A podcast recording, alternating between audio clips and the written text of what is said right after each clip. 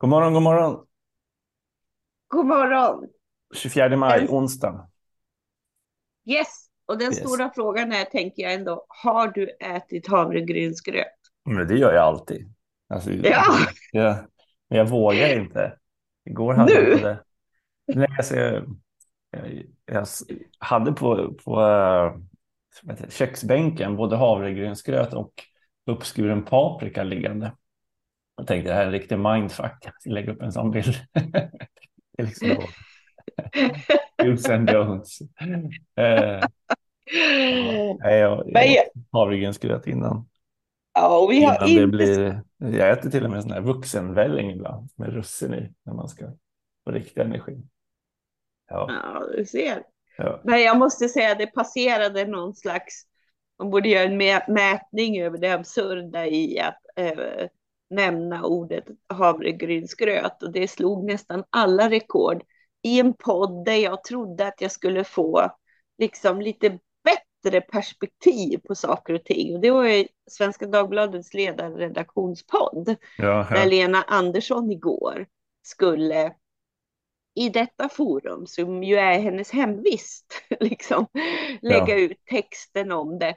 Men det gick inte att lyssna på, för jag bara zonade ut i relation till, ja men vi har fattat att havregrynsgröt Mm. är en bra idé att äta om man är hungrig. Och jag undrar, eh, ja, det, det, det, det är något som är så skruvat i det hela och samtidigt som ja, men att fastna i det när man vill göra en poäng av en, eh, liksom, ja, hur, igen, hur saker och ting skruvas upp och är ordet hunger proportionellt relevant här och så Mm, vidare mm, och mm. så vidare. Eh, men det var, det var faktiskt helt, helt galet att få detta upprepat om och om igen om Mm. havregryns, havregrynens enorma energivärde. Eh, och intressant att kunna dominera i debatten så eh, när det inte fler, finns fler dimensioner på det och så. Mm. Men det är ju spännande i grunden. Hon inledde ju podden med att säga att jag vet nästan inte vad jag skrev längre, för så blir det ju efter, efter ett par dagar Mm. när, när debatten har pågått liksom och Mm. eh, miljarder andra människor har gjort sin egen take och har övertolkat och så. Så därför var jag eh, jätteintresserad av att lyssna på just det samtalet som nog gav mig minst i sammanhanget ändå, tyvärr. Mm. Måste kolla med Ja, min fru Linnea om, om havregryn säljer mer eller inte i, i butiken. Hur det går. Ja, om det är någon som har kommit på detta. ja precis. Ja. havregrynsgröt, det var en bra liksom grej. top of, top of mind på folk. Ja, de borde kanske. Ja, Jag tillhör väl de som äter för små portioner av havregrynsgröt. Jag tycker man blir, eh, jag tycker om det, men jag blir hungrig snabbt ändå. För jag kände att I will not comment this. Nej, nej. Ja, En annan Ja. sak som har blivit, eller som blev eh, viral och diskuterad, jag vet inte, minns du för kanske en månad sedan eh, så blev den här nyheten om eh, Dalai Lama eh, skulle ja, cancelas. Kommer absolut. det? Ja. Ja, Och det pratades om att det här var liksom den stora skandalen för buddhismen nu som de katolska prästerna gav sig efter. när Eh, han bad ett, en, eh, en, ett litet barn, en, en pojke, om att slicka Ja, på hans tunga. Precis. Mm. Jag läste igår kväll i The Diplomat en lång artikel av Magnus Fiskesjö som ju är svensk eh, forskare, professor, eh, som är väl en av de som har jobbat mest med Gui Minhai-fallet. Har en, en e-post-uppdatering av vad som händer i det fallet, följer otroligt noggrant. Men han har skrivit om hur eh, den här, eh, vad ska man säga, eh, Ja, men han spårade tillbaks till en helt enkelt propagandakampanj från Kinas kommunistiska parti eh, genom olika konton och hur den här började spridas och hur det här liksom blev, blev viralt. Och han menar ju att det här var ett sätt av Kina att utnyttja västvärldens okunnighet om den tibetanska kulturen. Och en kombination då av liksom vårt cancel culture gjorde att det här blev som nitroglycerin på våra mobilskärmar. Eh, och att det liksom var en delvis ny taktik från Kina, ny, en nytt sätt av Kina att jobba med desinformation. Eh, och ja, dels menar jag att det handlar om att liksom distrahera från diskussionen om det förtryckta eh, Tibet, men också om andra liksom, kinesiska övergrepp. Eh, och eh, ja, men det, sen, sen eh, jag kan inte heller tibetansk eh, kultur, har inte varit i Tibet, har varit i Bhutan, är väl, är väl det närmaste. Eh, extremt liksom, svår, eh, man säga. Eh, ja, ja men, men som han beskriver det så är ju inte den här eh, så att säga, uttrycket, jag ska hitta det här i en lång text. Ja, men vad, för eh, det fanns ju faktiskt i, i... Det såg ju superilla ut på det här klippet. Alltså det såg ju helt ja, pedofil Dalai Lama liksom.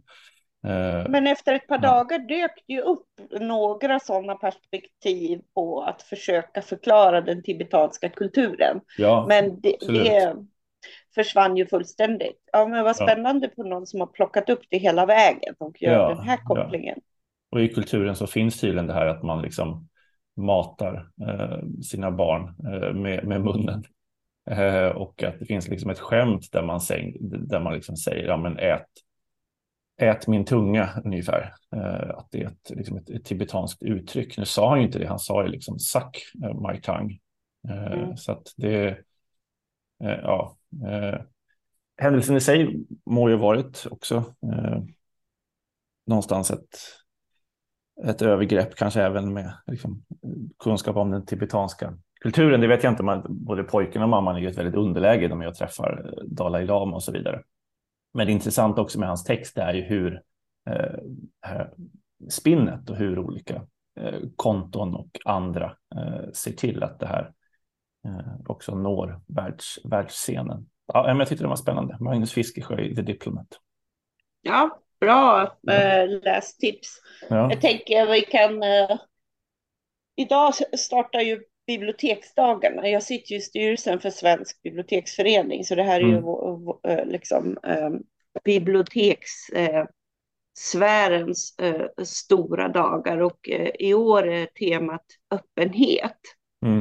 Eh, och ja, dels förstås hela öppenheten som grunden i ett demokratiskt samhälle, men också sen kopplat till hur om biblioteken är så öppna som vi vill vara ur mm. en mängd perspektiv. Men en av de första talarna pratar ju just om desinformation som hot mot demokratin och hur den används för att sprida misstro mellan grupper i samhället och hur man i det öppna informationssamhället behöver rustas med förmågan att skilja från sanning från lögn. Så då är det Thomas Nygren, professor i didaktik eh, med inriktning mot historia och samhällskunskap på Uppsala universitet som inleder så det ska ju mm. bli kul att, att lyssna på, men det är ju precis det här och, och särskilt med kunskaper i historia och samhällskunskap. Man känner att det, det är ju ofta väldigt djupa kunskaper som behövs för att förstå och hålla lite i, hold your horses lite när alla springer åt ett håll. Mm. Om och om igen blir vi påminda eh, om det här. Eh, väldigt, den ensidiga rapporteringen. Mm. Ja, men det där är, står väl lite på agendan för mig idag. Eh, I övrigt är det ju en sån tid på året faktiskt. Eh, eh, imorgon är det ett vanligt styrelsemöte för Sveriges tidskrifter. Eh, men det pågår ju då samtidigt som biblioteksföreningen. Så att, här, mm. att alla organisationer som jag är eh, engagerad i har parallella kalendrar. Det är ju livet lite svårt. Man vill vara på alla platser samtidigt. samtidigt. Ja. Ja. Typiskt maj överhuvudtaget. Ja. Ju. Ja, eh, eh, och igår kväll hade vi ju ett möte på eh, kontoret med Östgruppen om yttrandefriheten eh, i Ryssland och civilsamhällets villkor där som ju var jättespännande, men jag missade det. Har du fångat upp? Eh, igen hade jag faktiskt ett styrelsemöte och denna gång med Wikimedia, så då eh, har vi fått med mina tre styrelseuppdrag så att du fattar, allt krockar samtidigt. Mm. eh, var jättefrustrerande för att eh, det var, verkade jättebra i försnacket innan jag lämnade dem. Mm. Eh, det kommer en, en specialpodd med eh, gäst, gästerna där som, som Rasmus Kahnbäck gör om det, om det samtalet. Ja, om det vad kul. Ja. Eh, så då kan man jacka in på, eh, på vad, som, vad som sades. Mycket ja. bra. Ja. ja.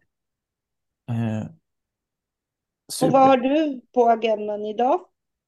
Jag blir lite intresserad av att kanske prata med Magnus Fiskesjö om den där Dalai Lama-grejen. Eh, känns ändå som att det var en klok, eller om man kan göra en svensk översättning av artikeln kanske, kolla med honom. Eh, ja. Och eh, det vi tog upp igår, blir det en debattartikel på ja, de har inte svarat, idag? De har inte svarat, svarat än.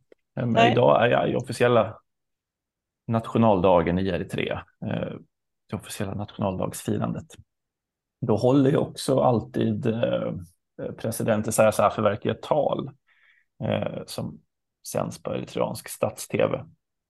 Och det vet jag i alla fall förr så satt alltid på Expressens redaktionen tigrinja talande och följde talet i realtid för att se kommer det komma någonting om David Isak i talet eller någon typ av öppning. Eh, det brukar sällan vara det i hans, i hans tal, det är inte så han liksom kommunicerar. Eh, men ändå värt att hålla koll på Isaiah Safiverkis tal om det finns någonting där som kan komma. Ja. Mm. Eh, en sån här eh, technyhet som kom i veckan eh, är ju den här om att det nu har kommit så långt som att Meta, Facebooks moderbolag, får betala dryga böter för överföringen av data mellan, ja det är ju den eh, irländska dataskyddsmyndigheten som utfärdar de här eh, böterna på 1,2 miljarder euro.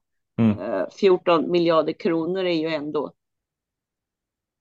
ja, eh, i det stora hela för, för eh, Facebook.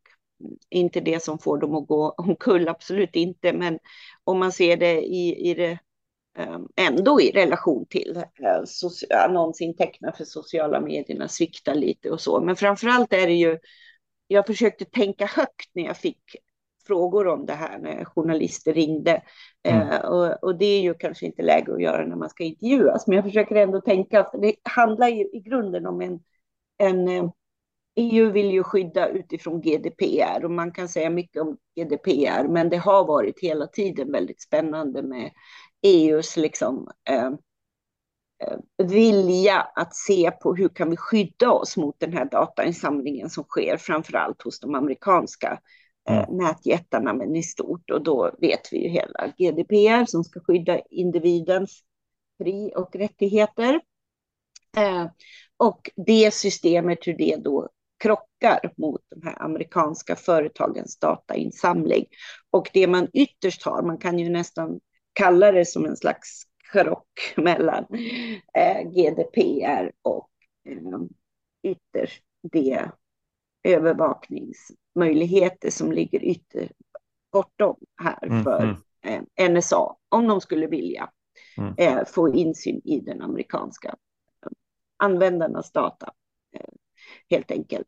Och i den här och då började jag tänka att jag tycker det är intressant hur utvecklingen har i relation till eh, chat control som ju eh, vi har nämnt ett, ett par gånger och, och, den som ju också kritiseras för att vara en, en, en väldig massövervakning eh, av eh, data eh, mm. som ju är EUs, eh, hur, hur det liksom i sin tur också krockar och ligger mer i linje med NSA inblicken på något sätt. Förstår du vad jag menar? Mm, Hänger du mm. med på? Mm. Eh, eh, för det, den, den är ju djupt, chat control i sig är ju också djupt kritiserad för en, eh, eh jag vet att Jon Karlung från eh, Bahnhof sa ju på demonstrationen i lördags om chat control som var i Sverige att eh, det är en demokratisk eh, katastrof eh, Eh, för att det just beskrivs som den här totala övervakningen. Eh, så ja, jag tyckte det var lite spännande. Jag tänkte att jag borde prata med någon av dem som har varit väldigt eh, synliga i debatten eh, och kritisera förslaget. Så det eh, ligger vid sidan av de här olika styrelseengagemangen på min agenda, att jag skulle vilja resonera eh, med dem om mm de här parallella, för det är absolut så att vi ser även EU en mycket större, det är ju en utveckling som pågår generellt, mycket större eh, övervakningstankar eh, för att hantera problematik. Eh, alltså datan hjälper oss ju att hantera problematik som rör alla de här svåra gränsområdena. Liksom var, eh, var övergår det till terrorism eller penningtvätt eller pedofili? Eh, mm. Och samtidigt hur kan vi skydda de enskilda användarnas integritet? Mm det är väldigt eh, intressant med de här eh, parallella rörelserna och svårt att sätta sig in i för att i grunden så är det ju eh, ja, vem vill inte skydda barn helt enkelt och vem vill inte säkerställa att pengar inte förs till terrorism eh, och så vidare. Mm. Eh. Hur många var det på den här demonstrationen då? Var det? Ja, fler än vad man kunde tro vad det ser ut som ja. av rapporteringen faktiskt. Ja. Det var ju ett femtontal talare och de var väldigt disciplinerade med så två minuter. Eh, så ja, jag ska skriva någonting kort om det också eh, mm. till helgens nyhetsbrev. Eh. Och då passa på att försöka prata med någon av dem som var där och ändå se på, slänga in i potten de här eventuella böterna mot Facebook som i grunden ska jag bara avsluta det med att säga att det påverkar ju fler företag. Google, Amazon, alla de amerikanska företagen i, i slutändan. Och det här gällde ju bara Facebook. Det kan man ju mm. tänka sig att det är samma som gäller för Instagram och så. Och då, då handlar det om att man gjorde ju någon nödlösning mellan 2016 och 2020 som hette Privacy Shield. Men sedan dess finns det inget avtal på plats för de här transatlantiska dataöverföringarna. Oavsett vad man tycker om saker hit eller dit så är det ju det som snabbt måste till stånd. Det måste ju fixas, men det innebär ju eh, att det blir svårare för Facebook att eh, agera i, inom liksom, sin jurisdiktion, om jag har förstått det rätt. Liksom. Så det är väl mm. därför det har liksom det kommer kosta väldigt mycket pengar och eh, svårigheter ytterst. Mm. Ja. ja. Spännande att följa. Yes. Yes, ja. Då så. Då, får vi... då hörs vi imorgon bitti igen då, ser vi vad som har dykt upp. Det gör vi. Hej så länge. Hej hej.